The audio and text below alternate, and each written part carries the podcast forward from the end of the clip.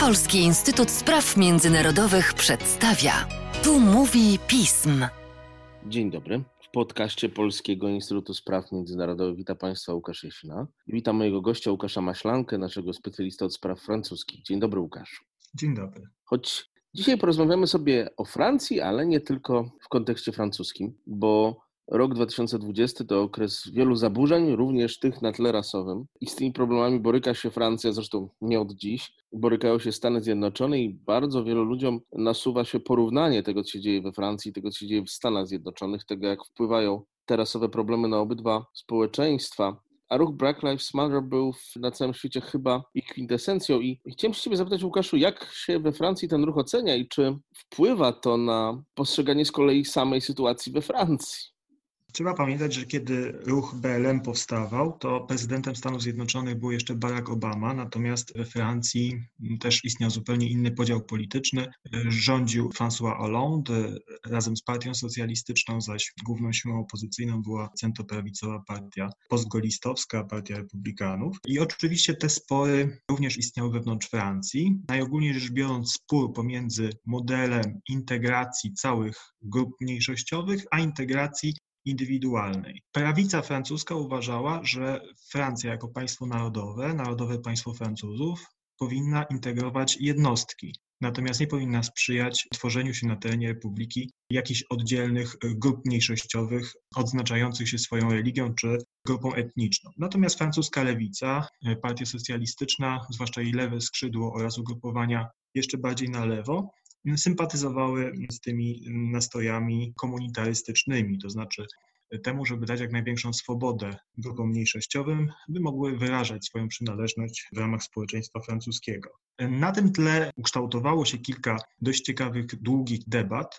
prowadzonych głównie na łamach prasy codziennej. Jedną z tych debat była debata na temat nauczania historii. W jaki sposób Francja powinna uczyć przyszłe młode pokolenia o swojej przeszłości. Ponieważ spojrzeć z dzisiejszego punktu widzenia na przeszłość wielu francuskich bohaterów czy postaci, to one z jednej strony miały swoje zasługi dla umacniania francuskiego państwa, ale z drugiej strony były na przykład uwikłane w handel niewolnikami czy w kolonizację. Na tym tle powstała na przykład bardzo ciekawa publikacja znanego francuskiego historyka Patryka Bouchona Światowa historia Francji, w której postanowił odejść od takiego typowego chronologicznego spojrzenia paryskocentrycznego na historię Francji jako pewne dzieło unifikacyjne, tworzenia unitarnego państwa narodowego na rzecz właśnie tych wszystkich wydarzeń uważanych dotychczas za marginalne. No taką, takim emblematycznym przykładem było spojrzenie na apel generała de Gaulle'a z 18 czerwca 1940 roku, nie z perspektywy Londynu, tylko z perspektywy Brazzaville,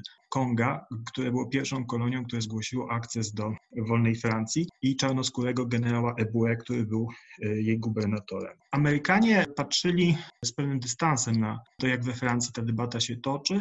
Amerykańscy liberałowie, lewica mieli zawsze skłonność do oskarżania francuskich elit, w tym tych elit liberalnych, lewicowych, o nadmierny paternalizm i nawet pewnego rodzaju intencje rasistowskie. Ale cała awantura wybuchła dopiero w tym roku, po zabójstwie e, George'a Floyda.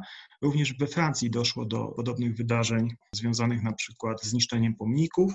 Obalono na przykład na Martynice pomnik Wiktora Szyszlera, to był taki deputowany z Alzacji, który zniósł niewolnictwo w kolonie. Natomiast e, zarzut wobec niego był taki, że Republika Francuska nawet kiedy wspomina zniesienie niewolnictwa, to wspomina białych ludzi, natomiast nie pamięta o czarnoskórych czy przedstawicielach innych grup etnicznych, które również tworzyły historię Francji. W sprawę włączył się sam Emmanuel Macron wtedy, kiedy poczęła się dyskusja na ten temat, czy należy znieść pomnik e, Colberta, czyli twórcy gospodarczej potęgi Francji w czasach Ludwika XIV.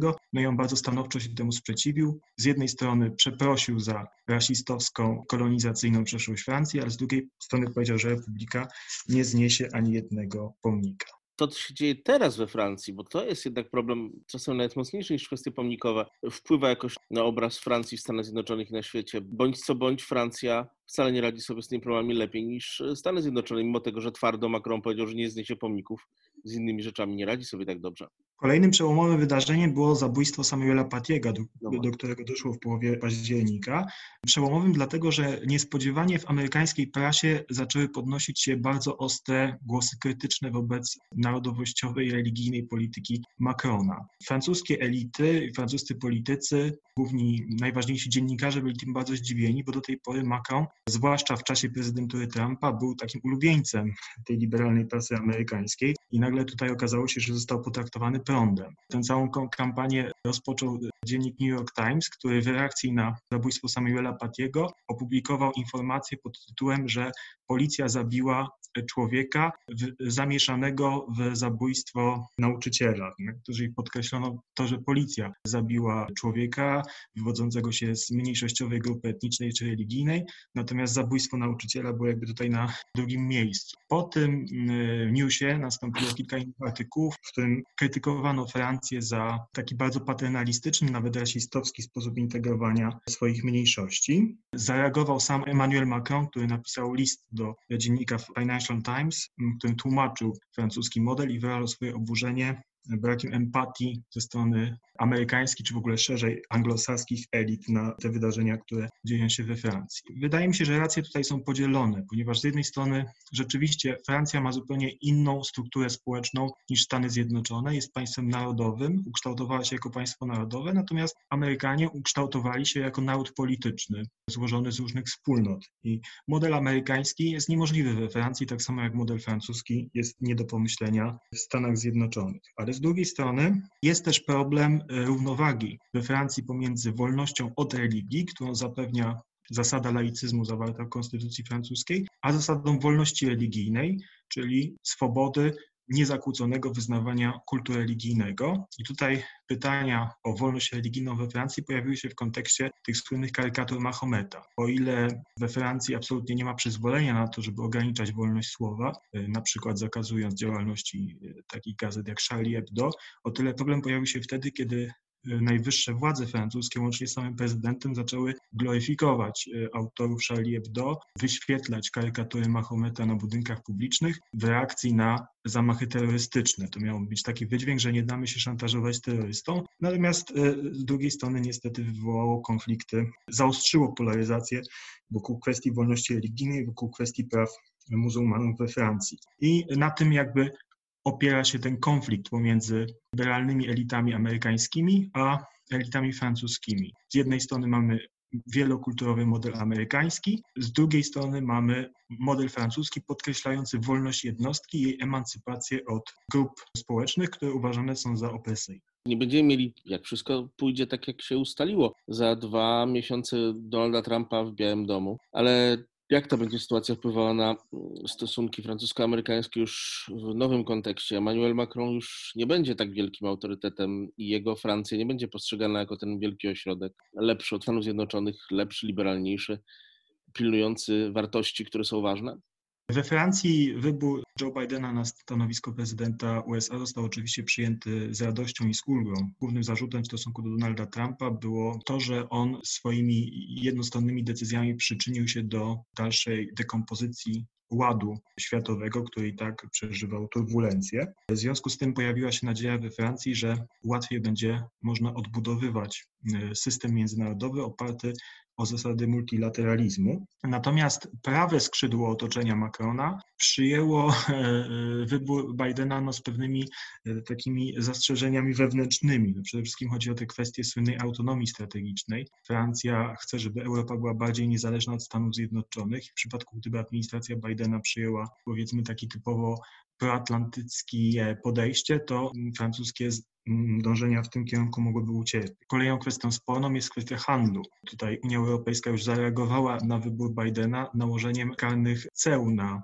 mm, Stany Zjednoczone, oczywiście w odpowiedzi na poprzednie działania administracji Trumpa, ale jest to jakby sygnał wysyłany przez największe kraje Unii Europejskiej, że Biden nie dostanie taryfy ulgowej z tytułu swojego wyboru, że teraz raczej Ameryka będzie musiała udowodnić po czterech latach rządów Trumpa, że chce wykazać stosunku do Europy bardziej konstruktywne podejście, że Europa nie będzie dawała prezentów.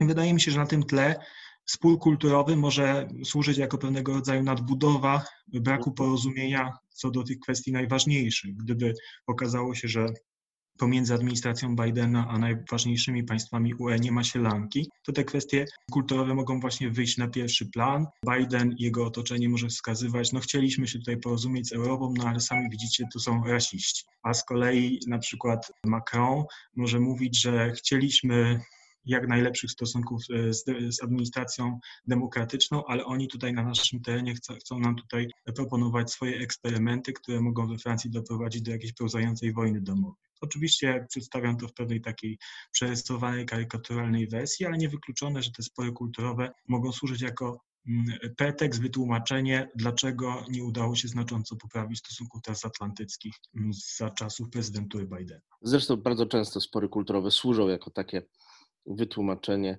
Zobaczymy też zresztą, jak się będzie rozwijała sytuacja w samej Francji. To bardzo różnie, jeżeli chodzi o symbolikę, o kulturę, o pamięć, wygląda w różnych momentach i w, przy różnych urzędowaniach francuskich prezydentów. Łukaszu, dziękuję Ci bardzo i do usłyszenia. Dziękuję, do usłyszenia.